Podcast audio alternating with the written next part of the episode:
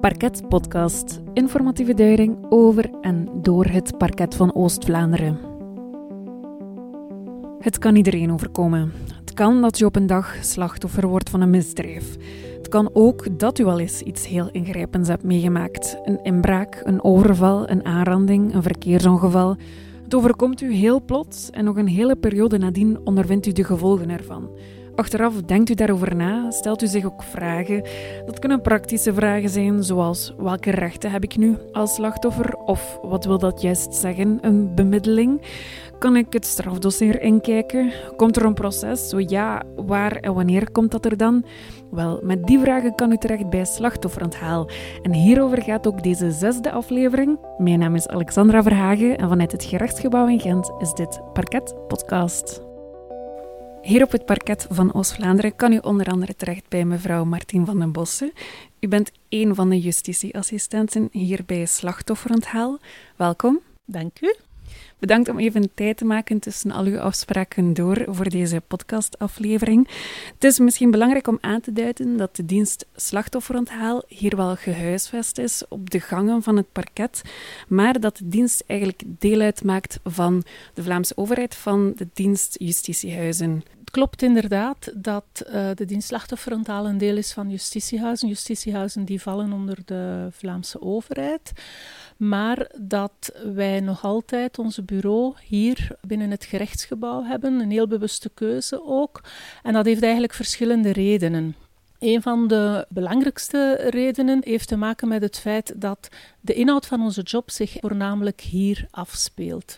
Als wij tussenkomen in gerechtelijke dossiers enerzijds, anderzijds hebben wij een belangrijke taak om slachtoffers bij te staan op bepaalde momenten dat zij met justitie geconfronteerd worden. Naast het belang van de inhoud van onze job die zich hier afspeelt, is er eigenlijk nog een tweede reden die heel belangrijk is voor ons om hier binnen het huis gehuisvest te zijn.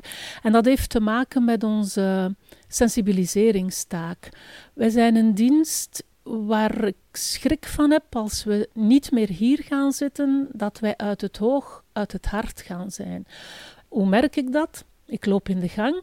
Magistraten werken hier vaak allemaal met de deur open. En dan passeer je en zeg je: Ah, Martin, nu dat ik u zie, kunnen een keer even komen, want ik heb een dossier dat ik toch wel eens eventjes wil bespreken. En dan merk je van, had ik nu niet gepasseerd of had ik hier nu niet mijn bureau gehad, dan hadden we waarschijnlijk niet dat effect gehad. Dus dat is eigenlijk op zich ook nog een belangrijke reden uh, om effectief hier in huis, kind aan huis te zijn. Om het even over de kerntaken van slachtofferonthaal te hebben. Wat doet de dienst slachtofferonthaal juist voor slachtoffers? De dienst slachtofferonthaal is er eigenlijk een aantal jaar geleden gekomen op vraag van nabestaanden, slachtoffers, die eigenlijk een beklag deden over het feit dat ze niets van informatie kregen vanuit justitie. Je moet weten als er een onderzoek loopt dat men slachtoffers of nabestaanden vraagt om mee te werken, men vraagt om informatie, maar als een slachtoffer dan van zijn kant vragen stelt over uh, hoe ver staat het onderzoek, uh, waar is men mee bezig, hoe lang gaat het nog duren, dan zijn dat vragen waarbij dat zij vaak als antwoord kregen van sorry, daar kunnen wij niet op antwoorden, want dat is het geheim van het onderzoek. En dat is heel frustrerend. En dan heeft men ervoor gekozen om een aanspreekpunt te maken binnen justitie om informatie te kunnen vragen. Met welk soort vragen kunnen slachtoffers bij ons terecht? Dat is iemand heeft klacht neergelegd, wil graag weten wat er met zijn klacht gebeurt, wil weten bijvoorbeeld is die verdachte al veroord geweest of niet, wat heeft hij verteld. Het antwoord op die vragen is iets dat we ook niet altijd kunnen zeggen. Dat hangt ervan af. We moeten daar ook de toelating hebben van de titularis van het dossier die het onderzoek leidt, vooraleer dat wij bepaalde informatie kunnen geven. Maar we merken wel dat als mensen een antwoord krijgen en men zegt van men is ermee bezig, dat dat op zich eigenlijk ook al geruststellend is. Dat het slachtoffer het gevoel heeft van oké, ik ben daar niet het zoveelste dossier dat misschien in een hoekje beland is, dat onder het stof geraakt, waar men eigenlijk niet meer naar omkijkt. Dus informatie geven in heel specifieke onderzoeken, maar ook heel algemeen. Mensen vragen soms van waarom wordt mijn dossier of mijn klacht behandeld door de procureur en niet door de onderzoeksrechter? Of ik wil mij laten registreren als benadeelde, hoe moet ik dat doen? Het zijn eigenlijk vragen van zeer algemene aard. Wat doen we nog naast die informatie over heel concrete inhoud uh, van het onderzoek? Proberen wij ook heel sensibiliserend te werken en ervoor te zorgen dat mensen in huis ook voldoende aandacht hebben voor slachtoffers. Ook wat fout loopt of liep, proberen rechtzetten. Um, wat uh, structurele dingen betreft. Bijvoorbeeld, stel u voor dat je ouder bent van een kindje dat de straat oversteekt en dat kind blijkt veroorzaker van het ongeval te zijn, dan krijg je thuis een brief van uw dossier wordt geseponeerd wegens reden, dubbelpunt, overlijden van de dader. Dus als je dan zo'n brief krijgt, ja, dan is het wel duidelijk, dat dat is computersystemen. Hè. De ene zin wordt aan de andere gelinkt en dan krijg je dergelijke standaardbrieven. Dat zijn bijvoorbeeld ook taken voor ons om dergelijke dingen aan te kaarten, om te zoeken op welke manier dat het anders kan en dan effectief uh, ook een andere formulering van brieven te laten vertrekken. Is een klein voorbeeldje, maar dat zijn eigenlijk ook wel dingen die binnen onze dienst, uh, die we proberen ook in toog te houden. Daarnaast, de meest specifieke functie eigenlijk van onze dienst is de bijstandfunctie bijstand die zich op verschillende momenten van de procedure kan uh, voordoen. Ik denk bijvoorbeeld aan bijstand inzage dossier en dat kan evengoed een dossier zijn dat geseponeerd is, dan dat dat bijvoorbeeld een dossier is dat binnenkort naar de rechtbank gaat of dat jaren geleden al op de rechtbank behandeld is geweest. Denk maar minderjarige op het moment van de behandeling was er niet bij. Tien jaar later, meerderjarig, wilt hij wel dat dossier lezen waarin hij zelf als kind slachtoffer geweest is. Bijstand op de zitting, als een zaak uiteindelijk voor de rechtbank komt, dan gaan wij mensen daarop voorbereiden, meegaan op de zitting, toelichting geven. Wij zijn geen advocaten, wij gaan het woord niet nemen, wij zijn er ter ondersteuning van slachtoffers in, bij hun aanwezigheid op de zitting een andere bijstandsfunctie, uh, teruggave overtuigingsstukken. Er worden heel wat zaken in beslag genomen die moeten dienen als bewijsmateriaal uh, in een onderzoek. Op een bepaald moment, als alles afgerond is, dan kunnen die stukken ook teruggegeven worden. En over welke stukken gaat dat dan? Bijvoorbeeld kledij na een overlijden, kledij na uh, zedenfeiten. En waarom is het belangrijk om kledij terug te geven? In eigenlijk alle stukken die in beslag genomen zijn, mag het nooit de bedoeling zijn dat iemand anders de beslissing neemt over wat er moet mee gebeuren. Je zou kunnen zeggen van kledij na zedenfeiten, dat wil je toch niet terug. Of nadat iemand bijvoorbeeld verdronken is, dat je zegt van je bent dat familielid kwijt, je wil daar toch niet die kledij van terug hebben. Heel veel mensen vinden, en terecht, dat zij moeten kunnen oordelen over wat er met die kledij gebeurt. Dat het niet de procureur of niet slachtofferfrontaal is die gaat beslissen van dat gaan we misschien vragen om terug te geven en dat gaan we gewoon weggooien, want dat gaan de mensen toch niet nodig hebben. Veel mensen willen zelf dat kunnen bijvoorbeeld weggooien. Mensen die het willen bewaren ook. Hè. Maar mensen die het willen weggooien, die willen dat liever dan zelf kunnen weggooien en niet het idee hebben dat gaat daar in een onpersoonlijke vuilbak van justitie belanden. En dat kan ik mijn kind of mijn moeder of de persoon die overleden is toch niet aandoen. Ik wil daar zelf, als het moet weggegooid worden, dan wil ik het wel zelf doen. En dat valt ook onder de bijstandsfunctie. Dus om even samen te vatten, heeft de dienst Slachtofferontheil in eerste instantie een informatieve functie. Mensen kunnen hier terecht met al hun vragen, concreet over hun dossier, maar ook heel algemeen. Hebben jullie ook een functie binnen de werking van het parket, structureel? Wat kan er beter? Hoe kan de drempel naar slachtoffers toe in die richting verlaagd worden? Ten derde ook bijstand.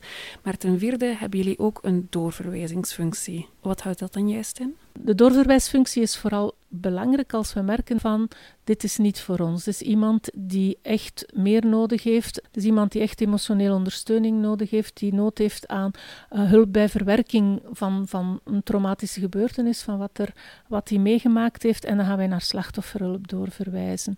Als het iemand is die op een rechtszaak het woord wil nemen, maar vermoedt dat hij dat niet gaat kunnen omwille van de stress van confrontatie met de tegenpartij, dan is het evident dat wij doorverwijzen naar een advocaat of naar de balie.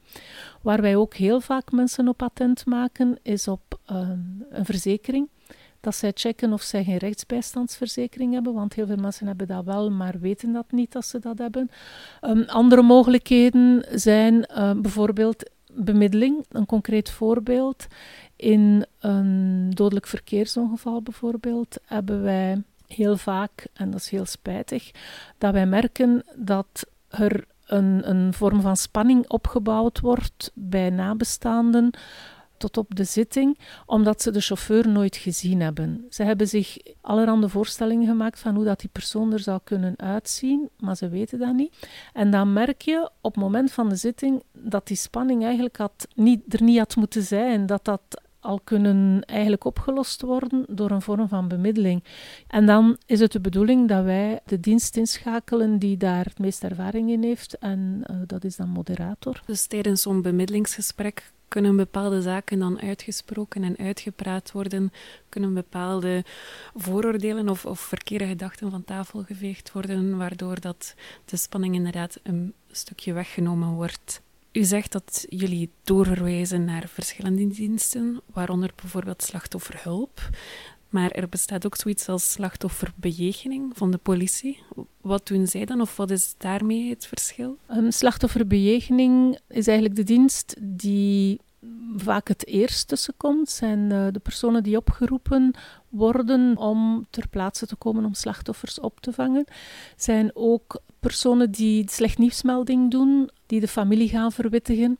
Maar het is een dienst die eigenlijk heel kort na de feiten optreedt, maar ook heel kort optreedt in tijd. Als men dan merkt bij slachtofferbejegening dat mensen nog verdere vragen hebben, gaan zij op hun beurt doorverwijzen. Het zij naar ons, het zij naar slachtofferhulp of het zij naar allebei. Mensen kunnen soms wel vragen hebben, maar tegelijkertijd ook wel een begeleiding of een therapie nodig hebben. Dus slachtofferbejegening van de politie kan doorverwijzen naar slachtofferonthaal, maar zijn er ook andere manieren waarop dat slachtoffers in contact kunnen komen met jullie dienst? Of wat is de meest gewone weg die gevolgd wordt waarbij dat jullie contact opnemen met slachtoffers? Er is intern een doorverwijzing en er zijn externe doorverwijzingen. Dus intern bedoel ik dat de procureur of de onderzoeksrechter die een nieuwe klacht binnenkrijgt, op dat moment kijkt en oordeelt of dat het in slachtofferonthaal kan ingeschakeld worden, dan krijgen wij het dossier met alle gegevens.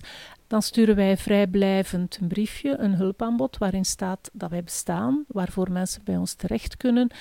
Dat is intern. Extern, er is eigenlijk geen enkele procedure die je moet volgen om op slachtofferonthaal te kunnen of te mogen beroep doen. Als je weet dat wij bestaan en je hebt een telefoonnummer, dan bel je en dan kan je rechtstreeks bij ons terechtkomen. Extern kan ook zijn dat iemand, als je slachtoffer bent en je legt klacht neer bij de politie, dan heb je vaak de neiging om terug te keren naar diezelfde politie om te vragen wat is er nu met mijn klacht gebeurd. Dus politie zijn ook doorverwijzers. Maar dat kan evengoed een OCMW zijn, een school, andere diensten, familieleden, om het even wie kan bij ons terecht. En kan iedereen beroep doen op uh, slachtofferonthaal? Er zijn natuurlijk situaties waarin dat je slachtoffer-verdachte rol niet zo zuiver of niet zo duidelijk zijn. Denk maar bijvoorbeeld aan een caféruzie, waarbij dat allebei de personen gekwetst zijn, zich allebei slachtoffer voelen. Dan is het niet aan ons om uit te maken wie is hier nu slachtoffer en wie is hier nu de dader. Hetzelfde met burenruzies, met omgangsregelingen. Dat zijn zaken waarin dat wij altijd in overleg gaan met, uh, met de magistraat. Stel dat wij één partij een briefje sturen, dan gaat die zwaaien met die brief naar de andere partij en zeggen: zie een keer, ik ben hier wel het slachtoffer. Dus dat zijn dingen die we toch moeten proberen vermijden. Heeft het nu net gehad over de slachtoffers die terecht kunnen bij slachtofferaanthaal. Dus jullie staan die bij tijdens dat het onderzoek loopt. Als ze vragen hebben, dan kunnen zij steeds terecht. Hier telefonisch, via mail of fysiek ook. Dan uiteindelijk komt misschien een proces in sommige gevallen. Kunnen jullie ook bijstand verlenen in de rechtszaal? Wordt er een vonnis geveld nadien? En vanaf dat er een vonnis is, de verdachte is dan een dader, die kent zijn straf. Stopt dan ook de taak van slachtofferonthaal of loopt die door? De taak van slachtofferonthaal loopt zeker door.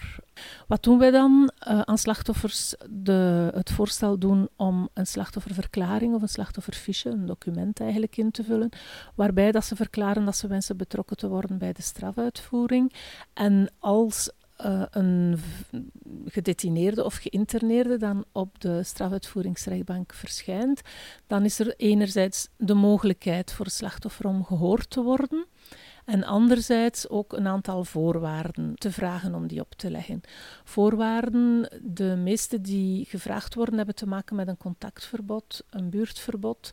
Omdat, stel u voor, dat uw buurman uw kinderen verkracht, dan wil je natuurlijk wel dat die buurman niet meer naast je deur komt wonen.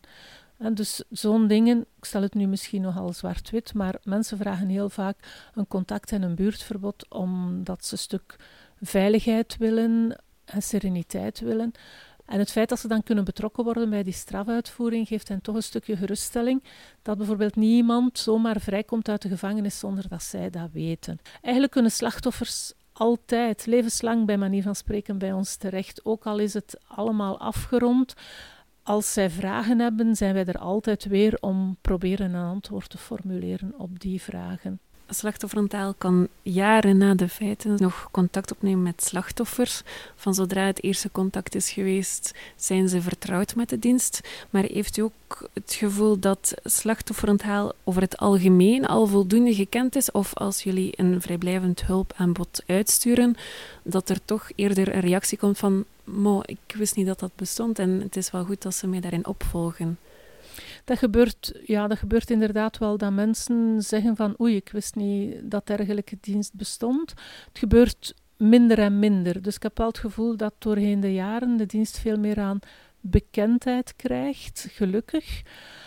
Er zijn natuurlijk ook wel een aantal drama's die er hebben voor gezorgd dat slachtofferontaal meer in de picture kwam zelfs bij de start, wij zijn opgestart als pilootproject, omdat we moesten bewijzen dat we eigenlijk nodig waren. Maar dat heeft niet lang geduurd, want toen hadden we Dutroux en eigenlijk heeft uh, de dienst aan, aan, niet alleen aan bekendheid, maar ook aan personeel, um, mensen bijgekregen. En dat gebeurt vandaag nog. Als er drama's gebeuren, een tijdje geleden, de grote aandacht, media-aandacht voor slachtoffers van seksueel geweld.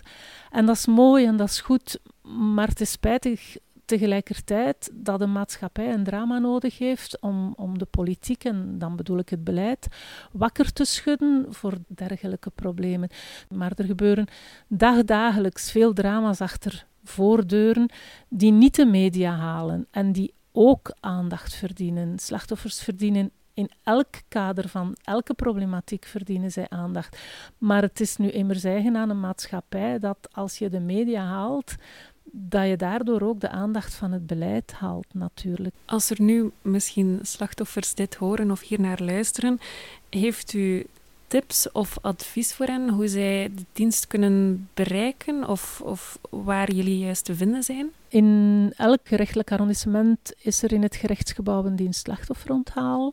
Dus zou zeggen, als je slachtoffer bent, kan je altijd naar het gerechtsgebouw gaan. Het is natuurlijk altijd veiliger van eerst een afspraak te maken. Hè. Wil je daar niet voor niet staan. Maar als slachtoffer neem onmiddellijk contact op, neem gerust contact op. Je stelt geen verkeerde vragen, je valt ons niet lastig. Je kan altijd bij ons terecht met welke vraag dan ook.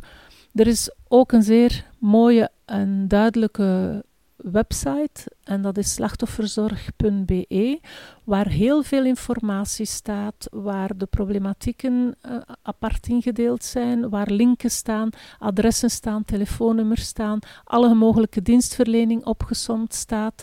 Dat is echt een, een heel mooie leidraad om daar uh, voor iemand die met internet wat vertrouwd is, daar informatie te vinden. Eén tip, neem contact op met ons en we zullen u verder wegwijs maken. Voilà, ik wil u persoonlijk bedanken voor dit gesprek, maar ik wil u ook bedanken voor al het werk dat u al in al die jaren heeft verzet voor al die slachtoffers, om er te zijn voor hen en wegwijs te maken in heel die gerechtelijke molen, omdat dit wel echt een dienst is die broodnodig is, zo hoor ik. Heel graag gedaan. Dag.